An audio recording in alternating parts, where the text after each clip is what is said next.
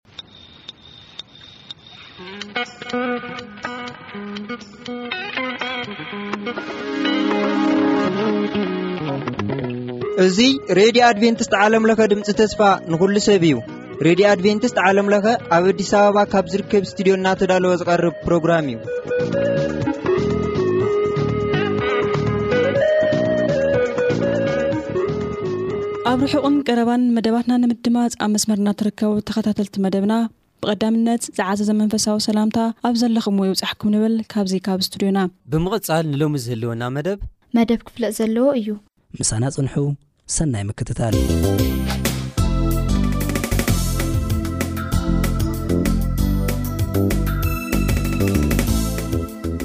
ሰላም ክቡራት ሰማዕትን ተኸታተልትን መጽናዕቲ መጽሓፍ ቅዱስ ንሎማዓንቲ እዋናዊ ዝኾነ መልእኽቲ ክንርኢ ኢና፣ እቲ ከነጽንዖ ማለት እዩ። እሞ ቅድሚ ናብቲ መልእኽቲ ምኻደይ መንፈስ ቅዱስ ምሳና ክኸውን እግዚኣብሄር ኣምላኽ ክዛረበና ንሓቁ ዘበሎ ኩሉ ድማ ክገልጸልና ብጸሎት ኣብ ቅድሚ ኣምላኽ ተንበርኪኽና ክንጽሊ ኢና፣ እንተኽኢልኩም ኣብቲ ዘለኹሞ ምሳይ ሓቢርኩም ብጸሎት ናብ ኣምላኽ ክትቀርቡ ይዕድመኩም። ዘልኣለማዊ ኣምላኽ ተመስገን ኦጎይታ ፍቃድካ ስለ ዝኮነ ኩሉ ግዜ ሓድሽ ዝኮነ ንዓና ዝጠቅመና ትህበና ኣለካ ዋቦ እልምነካ ኣለኩ ናይ ብሓቂ መንፈስ ቁዱስካ ክሰርሕ ኣብ ሂወትና ቅዱስ እግዚኣብሄር ኣምላኽ እንሆ ብሓቂ ንሰብ ኣዚካ ዘክበርካዮ ከም ዝኮንካ ከነስተውዕል እቲ ዝከፈልካዮ ዋጋ ናይ ብሓቂ ንኸንቱ ከይትከውንሲ መታን ኣብ ሂወትና ፍረ ክፈሪ ክኽእል እግዚኣብሄር ከነቕልብ ናብ ቃላትካ ሓግዘና ኦጎይታ እልምነካ ኣለኹ ከምቲ ንስኻ ትደልዮ ጌርና ከነስተውዕል መታን ብምሕረትካ ርድኣና ነፍሲ ወከፍና ተዛረበና በዚ ሰዓት እዚ ጾር ዘለዎም እግዚኣብሄር ኣቦ ኣብ ሂወቶም ኣብ ስድርኦም ብዛዕባ ንርእሶም ኮነ ብዛዕባ ካልእን ጾር ዘለዎም ኩላቶም ከከምቲ ዘድልዮም ጌርካ ክትበጽሖም በዚ መልእኽቲ እዚ ከኣ ከተጸናንዖም እጽሊ ስለ እትገብሮ ኩሉ ጽቡቕ ነገር ተመስገን ብስም ወድኻ የሱስ ክርስቶስ ኣሜን። ኣብ ዝሓለፈ ታሪኽ እንተድኣ ርኢኹም ኣብቲ ናይ ሮማዊት ካቶሊክ ቤተክርስትያን ንኹሉ እምነታት እትጥርንፍ ተበጊሳ እንድያ ዘላ እቲ ናይ ጵጵስና ስርዓት ኣብ ክልተ ሽሕን ዓሰርተ ኣርባዕተን ብቶኒ ፓልመር ዝተባህለ መልእኽቲ ናብ ብዙሓት ኣገልገልቲ ናይ ፔንተኮስታል ንኣብነት ናይ ኬነት ኮፕላንድ ዘካይዶ ኣብ ዝነበረሉ እዋን ኮንፈረንስ ሰዲዱ ነይሩ ሕጂ ቶኒ ፓልመር ገይሩ እቲ ጳጳስ ምስ ሰደደ ብሙሉኦም እቶም ናይ ፔንተኮስታል እምነት ኣብኡ ዝነበሩ እንታይ ገይሮም ኣብ ኣሜሪካ ማለት እዩ በቃ ንጳጳስ ክንሓብር ፍቓደኛታት ኮይና ኣለና እዮም ኢሎሞ ሕጂ ጸልዮምሉ እዚ ኩሉ ንሪኦ ኢና ንፈልጦ ኢና ሕጂ ኣብዚ ግን ነስተውዕሎ ኢና ጎይታ ሓደ ነገር ዝገለጸልና ኣሎ ብቃል እግዚኣብሔር መሰረት ሕጂ ኣብታ እዋን እቲኣ ዝተዛረብዎ ኣብ ዩቲብ ወጽዩ ዘሎ ቶኒ ፓልመር ዝተዛረብዎ እንድሕር ዳኣ ሪኢኹም ናብ ሕብረት ክጽውዖም ከሎ እንታይ ኢሉ ብዛዕባ እቲ ዶክትሪን ክንግደስ የብልናን ኣብ ሰማይ ምስ ኣተና ሽዑ ከነርክበሉ ኢና ኢሉ ሕጂ ኣብዚ ነስተውዕል የሱስ እንታይ ኢሉ ኣሎ ናተይ ዶክትሪን ኢሉ ኣሎ የሱስ የሱስ ናቱ ዶክትሪን ኣለዎ ዶክትሪን ማለት ትምህርቲ ማለት እዩ ትምህርቲ ቃል ኣምላኽ ሕጂ ናይ የሱስ ዶክትሪን ኣሎ ሕጂ ሓደ ገለ ሰባት እንታይ ይብሉ በቃ ንስኻ ናትካ ምርዳእ ኣለካ ኣብ ሙዚቃ ኣብ ኣከዳድና ኣብ ኣመጋግባ ናይ ጥዕና ኮነ እዚ ኩሉ ናትካ ምርዳእ ኣለና ኣነ ከዓ ናተይ ምርዳእ ኣለኒ ዝብሉ ብዙሓት ሰባት ኣለዉ እቲ ዘሕዝን ወላ ካብቲ ሓቀኛ ቤተክርስትያን ዝበሃሉ ማለት እዩ ንስኻ ናትካ ሓሳብ ኣለካ ኣነ ከዓ ናተይ ሓሳብ ኣለኒ ስለዚ ወላ ሓደ እስኻ ድላይካ ስማዕ ሙዚቃ ንኣብነት ከምዝግበር ኣነ ከዓ ከምዚ ከምኡ ግን የለን ኣብ ኣምላኽ ናይ ኣምላኽ ኣገልገልቲ ሰባት ከምኡ ኣይብሉን እዮም ናተይ ሓሳብ ናትካ ሓሳብ ኣይብሉን እዮም ናይ እግዚኣብሔር ሓሳብ እዮም ዝብሉ ናይ ኣምላኽ ሓሳብ እዩ ዘድሊ ሎሚ ናይ መን ሓሳብ ኢና እንሕዝ ዘለና ናይ ብሓቂ ከምቲ እንሪኦ ዘለና ኩሉ ነገር ሓሳብ ክርስቶስ ድዩ ዘለና ዋላሲ እቲ ሓሳብ ክርስቶስ ዝህብ ቃል ኣምላኽ ድዩ ዘለና ዋላሲ እቲ ናይ ብሓቂ ናይ ሰብ ሓሳብ ኢና እንሕዝ ዘለና ዋላስ ንዑ ኢና እንጥርንፍ ዘለና ኣሕዋተይ ናትካ ናተይ ዝባሃል የለን ኣብ ኣምላኽ ኣብ ቅድሚ ኣምላኽ ክንመጽ ከን ናይ እግዚኣብሔር ሓሳብ ጥራይ ክኸውን ክኽእል ኣለዎ ቃል ኣምላኽ እንታይ ይብል ልዕሊ እዚ ዋላ ሓደ ክስራዕ ዝኽእል ነገር የለን በዚ ቃል ኣምላኽ እንተ ከድና የሱስ እንታይ ኢሉ ኣሎ ሓደ ሞጋሰ ይኾና እተን ናቱ ብቃሉ መሰረት እየን ዝሓብራ እተን ናቱ በቲ ናቱ ዶክትሪን ትምህርቲ ክሓብራ እየን ዶክትሪን ኣየድልን እዩ ዝበሃል ሰይጣናዊ ዝኾነ ነገር ጥራይ እዩ እግዚኣብሄር ናቱ ዶክትሪን ኣለዎ የሱስ ኣብቲ እንግሊሽ ዶክትሪን እዩ ዝብሎ የሱስ ማይ ዶክትሪን ይብሎ ኣብ መፅሓፍ ቅዱስ ክዛረብ ከሎ ናተይ ዶክትሪን ዶክትሪን ማለት ትምህርቲ ማለት ናቱ ቃል ኣሎ ንዑ ኢና ክንሰምዖ ዘለና ናቱ ትምህርቲ ኣሎ ሙሉእ መፅሓፍ ቅዱስ መፅሓፍ ቅዱስ ስሳን ሽዱሽተን መፅሓፍቲ እዩ እዚ ስሳን ሽዱሽተን እዚ መፅሓፍቲ ዝማኒ ኣብ ብሉይን ኣብ ሓድሽን ዘሎ ኪዳን ክንሪኦ ከለና እቲ ቀንዲ ዕላምኡ ንክርስቶስ ንክገልጽ እዩ። የሱስ ክዛረብ ከሎ ብዛዕባ ቃሉ ተዛሪቡና ኣሎ። ብሉይ ኪዳን ይኹን ሓድሽ ኪዳን ብዛዕባኡ ዝገልጽ እዩ። ነዚ ኢና እንተ ክንገብሮ ዘለና ክንኣምኖን ክንክተሎን ዘለና። ካብዚ ወጻኢ ኩሉ ናይቲ ጸረ ክርስቶስ ጥራይ ክኸውን እሞ ጎይታ ዝዛረበና ዘሎ ክንሰምዖ እሞ ናይ ብሓቂ ድማ ነዚ ነገር እዚ ሰሚዕናን ተረዲእናን ክንነብረሉ ህይወትና ንዕኡ ክንውፊ ከተባብዓኩም ይደሊ። ናይ ብሓቂ እዚ ግዜ እዚ ዘለናዮ ግዜ ኣዝዩ ዘፍርህ ግዜ ነገራት ድማ እናኸፍኣሉ ዝኸይድ ዘሎ ግዜ እዩ።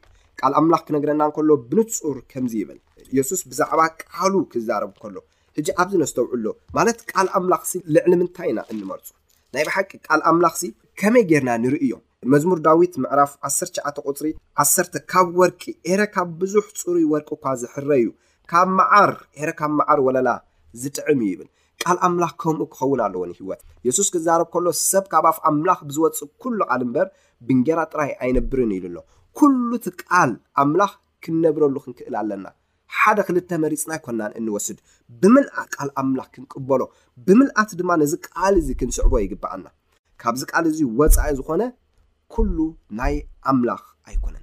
ኩሉ ነገር ብቃል ኣምላኽ መሰረት ክምዘን ክኽእል ኣለዎ። ኩሉ ነገር ብቃል ኣምላኽ መሰረት ክግለጽ ክኽእል ኣለዎ። ብቃል እግዚኣብሄር መሰረት ዝተመዝነን ብቃል ኣምላኽ መሰረት ተቐባልነት ዝረኸበን ውሕስነት ኣለዎ።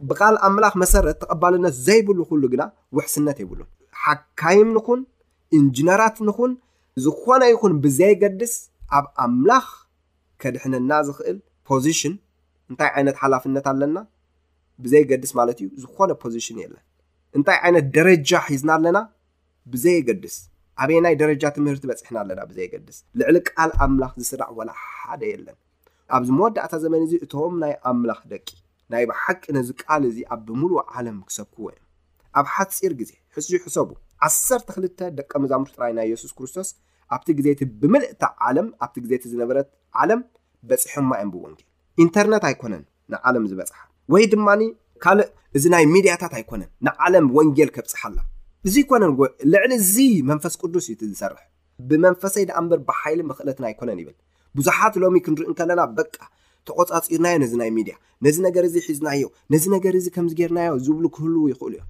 ኖኖኖኖ እዚ ግን ኣይኮነን ነቲ ናይ ኣምላኽ መልእኽቲ ኣብ ዘመን እዚ ከብጽሖ እቲ ዘብጽሖ እቲ መንፈስ ቅዱስ እዩ መንፈስ ቅዱስ ከዓ ንብዘላ ዓለም እንታይ ክገብራ እዩ በቶም ናቱ ኣገልገልቲ ክበጽሓ እዩ እሞ ናይ ብሓቂ ኣሕዋተይን ኣሓተይን የሱስ ክርስቶስ እቲ ዝሃበና መልእኽቲ እቲ ንሱ ሂብና ዘሎ ቃልን ከነስተውዕል እግዚኣብሄር ይጽውዓና ከም ዘሎ ተረዲእና ናብኡ ክንመጽእ ሓደራ ክብለኩም ይደሊ። ማለት እቲ ግዜ መወዳእታ ኮይኑ እዩ።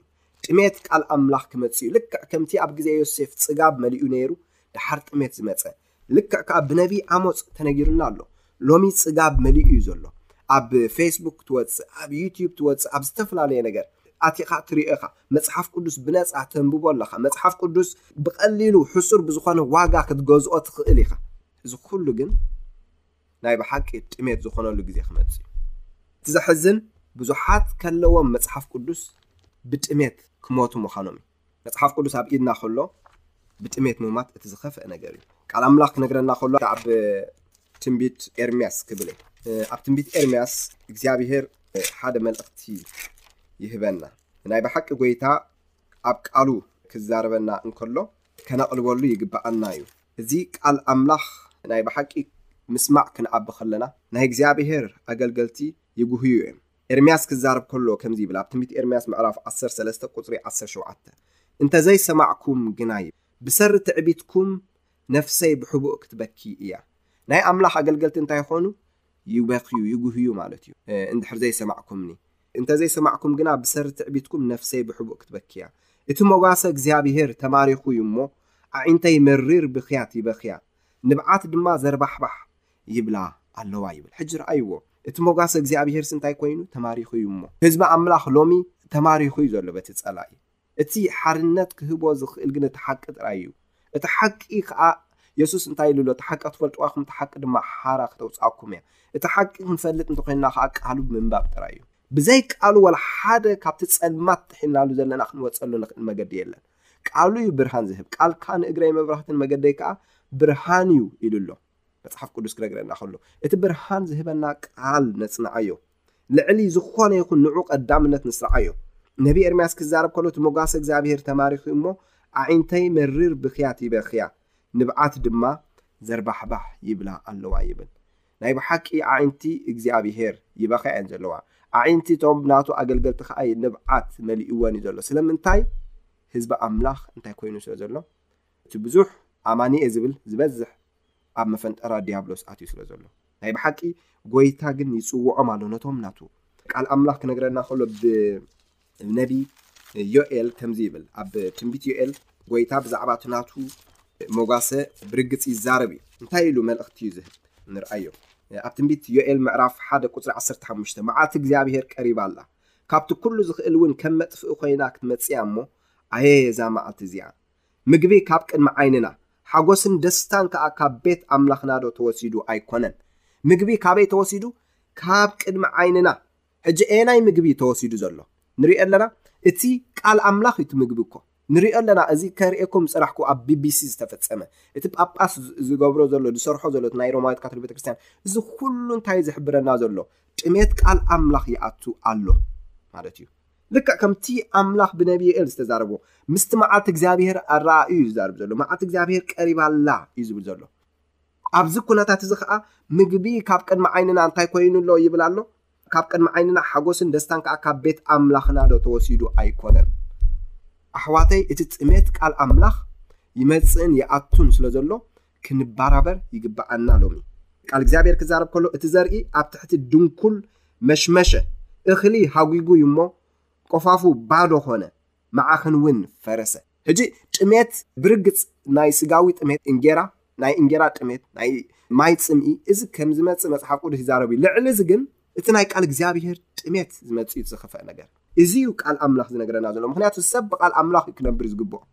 እቲ ዋና ነገር እቲ ቀንዳማይ ነገር መጽሓፍ ቅዱስ ክዛረብ ከሎ ቀጺሉ እንታይ ይብል? ዮኤል ምዕራፍ ሓደ ቁጽሪ ዓሰርተ ሸሞንተ ኣየ እንስሳታት ዓዕ ይብሉ፣ እተን መጓሰ ኣሓ ዚጓሰያሉ ስለ ዝሰኣና ቃህመማ፣ መጓሰ ኣባጊዕ ድማ ይስቀያ ኣለዋ። ሕጂ እቲ መግቢ ስለ ዝተሳእነ ኣብ ቤት ኣምላኽ እተን መጓሰ ኣባጊዕ ይስቀያ ኣለዋ። እቲ ቀንዲ መልእኽቱ ናበይ እዩ ዝዛረብ ዘሎ? ናብቶም ሰባት ናብቶም ህዝቢ እዩ ዝዛረብ ዘሎ። ኣብ ቤት ኣምላኽ ከለና ብዙሕ ግዜ ጠሚና ኢና ንነብር ዘለና። ነቲ ሓቂ ንዓና ዝግብኣና ዘድልየና መልእኽቲ ኣይንሰምዖን። ነቲ ካብ ሓጢኣት ሓርነት ከውጽእ ክህበና ዝኽእል ቃል ኣምላኽ ዕድል ኣይንረክብን ኣለና ክንሰምዖ። ብዙሓት ኣገልገልቲ ሎሚ ጽውጽዋይ ዝኾነ ከምኡ ድማ ናይ ምቾት ዝኾነ ናይ ዘደዓዕስ መልእኽቲ በቃስ ናይ ሰላም ዝኾነ መልእኽቲ እናበልካ እዮም ዝዛረቡ ዘለዉ። በዚ ከኣ ነቲ እዋናዊ ዝኾነ መልእኽቲ ነቲ እግዚኣብሄር ህዝቡ ክሰምዕዎ ኣለዎም ዝበሎ መልእኽቲ ከይሰምዑ እንታይ ኮይኖም ተዓንቂፎም ኣብ ግዜ ኖህ መጽሓፍ ቅዱስ ክነግረና ከሎ ኖህ ክሰብኽ ከሎ ማይ ኣይሂ ይመጽእ ኣሎ ስለዚ እቲ ማይ ኣይሂ እንታይ ክገብር እዩ ንብምልእታ ምድሪ እንታይ ክገብራ እዩ ከጥፍኣ እዩ ከጽንታ እዩ ስለዚ እንታይ ግበሩ ናብ መርከብ እተዉ ኢልዎም ነይሩ እቲ ዝገርም ነገር ኣብቲ ግዜ እቲ እቲ ማይ ኣይሂ ክመጽእ ከሎ እንተ ትነብሩ ኔርኩም መጀመርያ ምኣተኹም ዶ ኔርኩም ብሓቂ ሕጂ እቶም ክንኣቱ ምኣተና ኔርና ናብታ መርከብ ኖህ እትብሉ ሰባት ሎሚ ኣብዛ ሰዓት እዚኣ ብኸመይ ናብታ መርከብ ኖህ ክትኣትዉ ከም እትኽእሉ ኣብቲ ግዜ እቲ ክትምስክሩ እትኽእሉ ንቃል ኣምላኽ እንተ ኣሚንኩምዎ ሎሚ ጥራይ እዩ ናይ ብሓቂ ኣነ ናብታ መርከብ ኖኽ ኣቴ ነፍሰይ መድሓንኩ ነይረ ብቲ ግዜ እቲ ዝብል ሰብ እንተሎ ኣብዛ ሰዓት እዚኣ ሎሚ ንቃል ኣምላኽ ሙሉእ ብምሉእ ተቐቢሉ ንካልኣይ ምጽኣት የሱስ ክርስቶስ ዝዳሎ ሰብ ጥራይ እዩ። በዚ ጥራይ ኢና ክንምስክር ንኽእል። ሕጂ ኣብቲ ግዜ እቲ ዝነበሩ ዓያሱ ክንብሎም ንኽእል ንኸውን ኢና። እቲ ዝኸፍአ ግን ንሕና ብዙሕ ምስክር ኣለና። ናይ ግዜ ኖህ ናይ ግዜ ዳንኤል ብምሉኡ ናይ ግዜ ሃወርያት ክንርኢ ከለና ብምሉኡ ታሪክ ዓለም ክንርኢ ከለና ታሪክ መፅሓፍ ቅዱስ ክንርኢ ከለና ብዙሕ ምስክር ኣለና ንዓና ንሳቶም እኳ ብዙሕ ምስክር ኣይነበሮም ከማና መፅሓፍ ቅዱስ ክነግረና ከሎ ኣብ እብራውያን እንታይ ኢልና ኣሎ ብክንዲዚ ዝኣክል ደበና ምስክር ተኸቢብና ከለና ይብል ንኹሉ ዝኸብደናን ነቲ ዝጠጠና ሓጢኣትን ነርሕቕ ይብል መጽሓፍ ቅዱስ። ብብዙሕ ምስክር ኢና ተኸቢብና ዘለና። እዚ ኩሉ መሰኻኽር ኣለና ንዓና። ኣብ ግዜ ኖህ ተፈጺሙ እዩ። ኣብ ግዜ ሶዶምን ጎመራን ክንሪኦ እንከለና ተፈጺሙ እዩ። ኣብ ግዜ ናይ በዓል ዳንኤል ዘሎ ክንርኢ እንከለና ኩሉ እቲ እግዚኣብሄር ዝበሎ ተፈጺሙ እዩ። ኣብ ግዜ ናይ ሃዋርያት ተፈጺሙ እዩ። የሱስ ክርስቶስ መጺኡ ህይወቱ ከፊሉ እዩ ዋጋ ሞይቱ እዩ እዚ ትንቢት እዚ ተፈጺሙ እዩ እዚ ኩሉ እንድሕር ተፈጺሙ ንርኢ ኣለና እሞ ከ ኣብ ቅድሚ ዓይንና ዝበሎ ምልክታት ኩሉ ክፍጸም ከሎ ንርኢ እንተለና ካልኣይ ምጽኣት ክርስቶስ ከ ኣይፍጸምን ዶ ናይ ብሓቂ ኣሕዋተይ ኣብ ግዜ ኖህ ሸለልትነት ከም ዘረኣዩ ሰባት ሎሚ ከምኡ ኢና ንገብር ዘለና ኣብ ግዜና ሸለልትነት ኢና ነብዝሕ ዘለና ኣብ ግዜና ናይ ብሓቂ ነቲ ምድሓን ዝህበና ቃል ኣምላኽ ኮ ጥዑም እዩ እንድሕር ኣፍቂርናዮ ግዜ ሕሊፍና ኮ ምስኡ ናይ ብሓቂ ልዕሊ ዝኾነ ይኹን እንብህጎ ነገር እዩ ክኸውን ነዚ ቃል እዚ ነፍቅሮ ግዜ ንሃቦ መጓሰ እተን መጓሰ ኣሓ ዝጓሰያሉ ስለ ዝሰኣና ቃህመማ መጓሰ ባጊዕ ድማ ይስቀያ ኣለዋ ይብል ኣምላኽ እቶም ኣገልገልቲ ከም ዝግባእ ስለ ዘይጓስዩ ዘለዉ እተን ኣባጊዕ እንታይ ኮይነን ማለት እዩ ሎሚ ይስቀያ ኣለዋ ጥሜት ቃል ኣምላኽ ኮይኑ ከሎ እቲ ቃል ኣምላኽሲ ጥሜት በርትዩ ሰባት ኣይተረድኦምን ግን ጥሜት እዩ ዝኣቱ ዘሎ ድርቂ እናኾነ እዩ ዝኸይድ ዘሎ።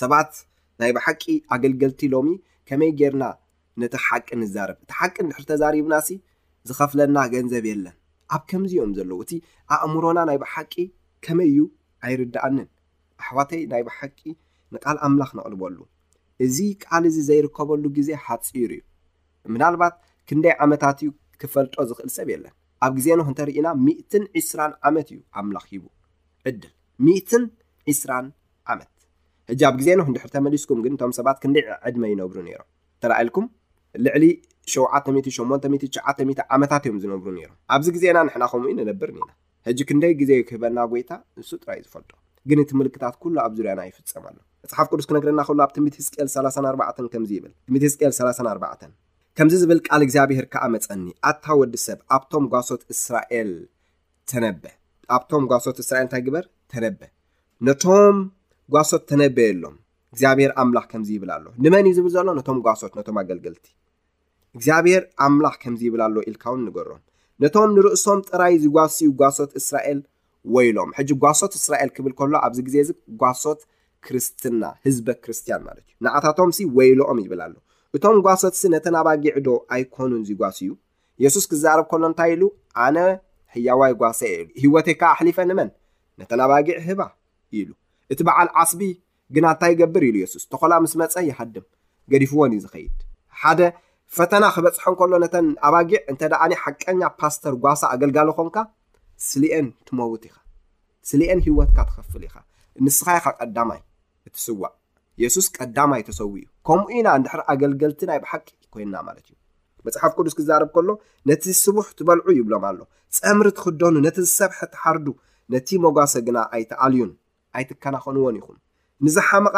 ኣየበርታዕኩምን ንዝሓመመት ኣይፈወስኩምን ሕጂ እዚ ክዛረብ ከሎ ብዛዕባ እቲ ስጋዊ ነገር ኣይኮነን እተን ዝሓመማ ብሓጢኣት ሎሚ መን እዩ ብዛዕባ ንስሓ ዝዛረብ ሰብ ኣዝዩ ኣሎ እንተተባሃለ ዝቁጸር እዩ በጻብዕ እቲ ኢድ። ህጂ ቃል ኣምላኽ ግን ይነግረና ኣሎ ንዝሓመመት ኣይፈወስኩምን ንተሰብረት ኣይዘነንኩምን ንተባረረት ኣይመለስኩምን ብዙሓት ተስፋ ቐሪጾም ፋሕ ዝበሉ ኣለዉ ካብ እምነት ዝጠፍኡ ንዓታተን እውን ኣይመለስናን ንዝጠፍአት ኣይደሌኹምን ክንደየኖት ሰባት ኢና እንደሊ ናይ ብሓቂ ነቶም ጠፊኦም ዘለዉ ንቃል እግዚኣብሄር ሰሚዖም ዝነበሩ ዝጠፍኡ ወይ ድማ ንቃል ኣምላኽ ፈፂሞም ሰሚዖም ዘይፈልጡ ግን ጠፊኦም ዘለዉ ኣብ ጥፍኣት ዘለዉ ክምለሱ ንናፍቆምስ ክንደይ ሰባት ኢና ትፈልጡ ዲኹም የሱስ እኮ ዋጋ ዝኸፈለ ንዓኹምን ንዓይን ጥራይ ኣይኮነን ንብምልኡ ህዝቢ ዓለም እዩ ዋጋ ከፊልሉ ዘሎ እቲ ዋጋ ዝኸፈለ ሞት የሱስ ክርስቶስ እንተተረዲእና እቲ ማዕረ ኣምላኽ ዝኾነ ዝኸፈሎ ዋጋ እንድሕዳ ኣስተውዒልና ሸለልትነት የለን ሸለል ኣይንብልን ኢና ናይ ብሓቂ እቲ ዝተገብረልና ነገር ፈሊጥና ክንገብሮ ዝግብኣና ኩሉ ኢና ንገብር። መጽሓፍ ቅዱስ ክነግረና ከሎ ንዝጠፍአት ኣይደለይኹምን ይብል። ብሓይልን ብትርን ደኣ ገዛእኩምወን። ናይ ብሓቂ እዚ ብሓይልን ትርን ክብል ከሎ ምናልባት ኣብቲ ጭከና ጥራይ ኣይኮነን። እንታይ ደኣኒ ወላ እውን ልኡም መሲልካ ሕያዋይ መሲልካ ግን እንታይ ብጥበብ ጌርካ ነገራት ትቆጻጸሮ እዚ ንባዕሉ ሓይልን ትርን ጓሳ ስለ ዘይነበረን ፋሕ በላ። ንኹሎም ኣራዊት መሮር ከኣ ብልዒ ኮና ፋሕ ውን በላ። ኣባጊዐይ ኣብ ኩሉ ኣኽራንን ኣብ ኩሉ ነነዋሕት ኩርባታትን ተባረራ። ኣብ ኩሉ ዝባን ምድሪ ፋሕ በላ፣ ግደን ዝገብር ዝደልየንን ከኣ የልቦን። ኣሕዋተይ ናይ ብሓቂ ሓላፍነት ኣለና። እግዚኣብሄር ይሓተና እዩ ጽባሕ ንግሆ። ኣሕዋትና ኣሓትና እንታይ ንገብር ኣለና? ንነግሮም ዶ ነቲ ሓቂ ወላስ ፈሪህና ክፉእ ነገር ከይዛረቡና ስቕ ኢና ንብል። ጐይታ ነቲ ሓቂ ክንነግር ጸዊዑና ኣሎ። ብዙሓት ሰባት ነቲ ሓቂ ስለ ዘይሰምዑ፣ ንኽሰምዑ ዕድል ስለ ዘይረኸቡ ንናይ ዘለኣለም ህይወት ክጠፍኡ እዮም። እዚ እንታይ ይስምዓና ንዓና?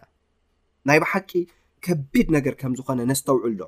ጐይታ ናይ ብሓቂ ክዛረብ ከሎ ጽን ክንብል ክንክእል ኣለና። ሰባት ዜና ክንሰምዕ ወይ ድማ ን ማለት ናይ ዓለም ከምኡ ውን እዚ ሱቕ ኢልካ ዝግበር ድራማታት ክንርኢ እዚ ክንብህግ ንኽእል ንኸውን ኢና። እዚ ጠፋኢ ነገር እዩ። እዚ ናይ ዓለም ስጋዊ ትምኒት ነገር ጥራይ እዩ። እዚ ማለት ብዛዕባ ዜና ኣይንፍለጥ ማለት ኣይኮነን ኩነታት ዓለምና ግን ንሱ ቀዳምነት እንድሕር ተሰሪዑ።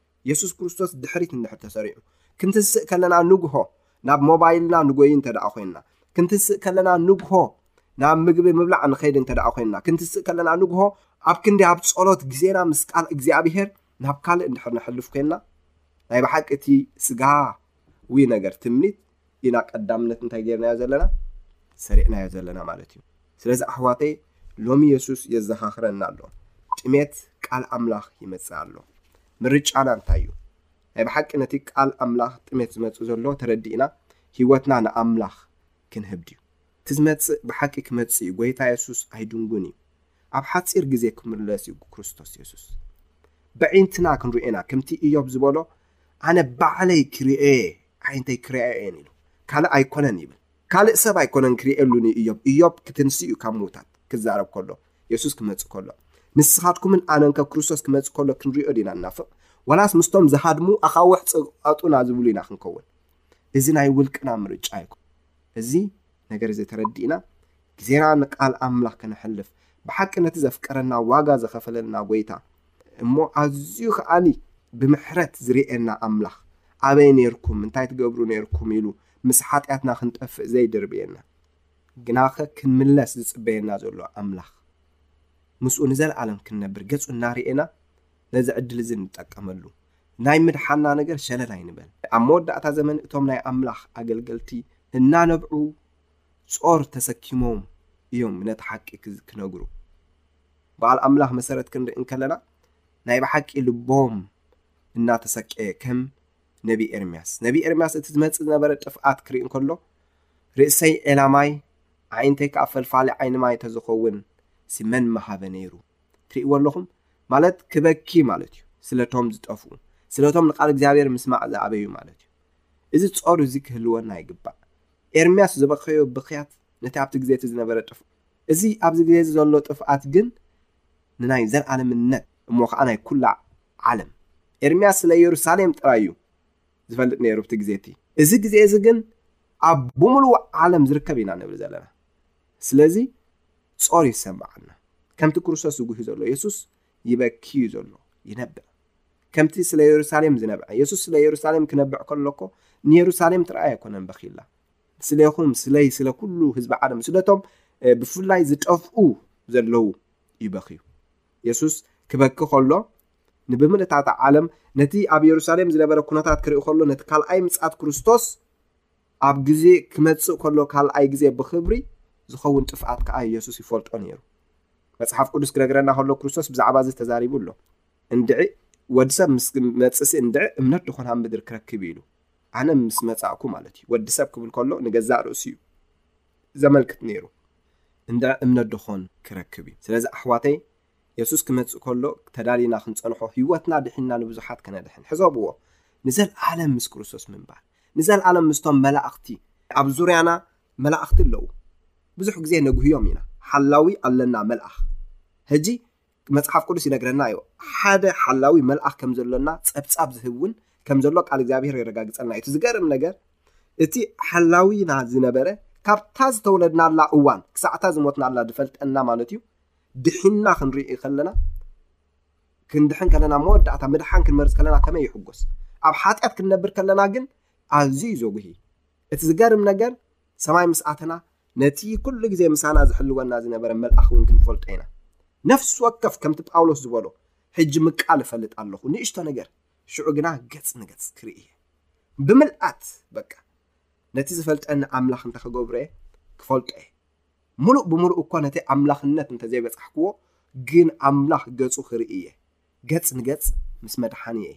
እግዚኣብሔር ኣምላኽ ብጸጉ ይደግፈና ናይ ብሓቂ እግዚኣብሔር ብመንፈሱ ይርዳኣና እዚ ግዜ እዚ ኣቕሊልና ዘይኮነሲ ናይ ብሓቂ ጾር ክስምዓና ስለ ኣሕዋት ስለቶም ዝጠፍኡ ዘለዉ ስለቶም ናይ ብሓቂ ነቲ ሓቂ ሰኣን ምፍላጦም ኣብ ሕንፍሽፍሽ ኣትዮም ዘለዉ ፈተውትና ንጸልየሎም ግዜ ንውሰድ ብቓል ኣምላኽ እግዚኣብሄር ከዓ ክገልጽ እዩ ነቲ ሓቂ ኣብ መወዳእታ ከዓኒ ድሒና ንህይወትና ክንረኽባ ኢና እቶም ሎሚ ዝበኽዩ ጽባሕ ንግሆ እንታይ ክኾኑ እዮም ክሕጎሱ እዮም ምስ ክርስቶስ እቶም ሎሚ ናይ ብሓቂ ዝስሕቁ ዘላግፁ በዚእታት ኩሉ ንርኢ ኢና እዚ ግዜ እዚ ኣቕሊልና ዘይኮነሲ ናይ ብሓቂ ጾሩ ክስምዓና ስለ ኣሕዋጥ ስለቶም ዝጠፍኡ ዘለዉ ስለቶም ናይ ብሓቂ ነቲ ሓቂ ሰኣን ምፍላጦም ኣብ ሕንፍሽፍሽ ኣትዮም ዘለዉ ከተውትና ንጸሊ የሎም ግዜ ንውሰድ ብቓል ኣምላኽ እግዚኣብሄር ከዓ ክገልጽ እዩ ነቲ ሓቂ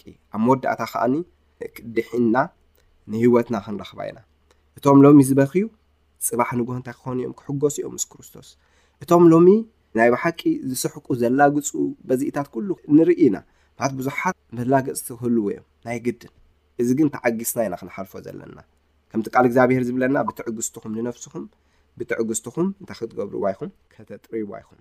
ሕራይ እምበኣር ተንበርኪኸነ ክጽልየ እግዚኣብሄር ምሳና ክኸውን ክረድኣና ንዕኡ ኸኣ እነፍቅር ሰባት ክንከውን ኣምላኽ ክድግፈና። እዚ ፍቓድኩም እንተ ዀይኑ፣ ኣብቲ ዘለኹምዎ ምሳይ ሓቢርኩም ብጸሎት ናብ ኣምላኽ ክትቀርቡ ይዕድመኩም። ኵሉ ትኽእል ጻድቕ ኣምላኽ ተመስገን።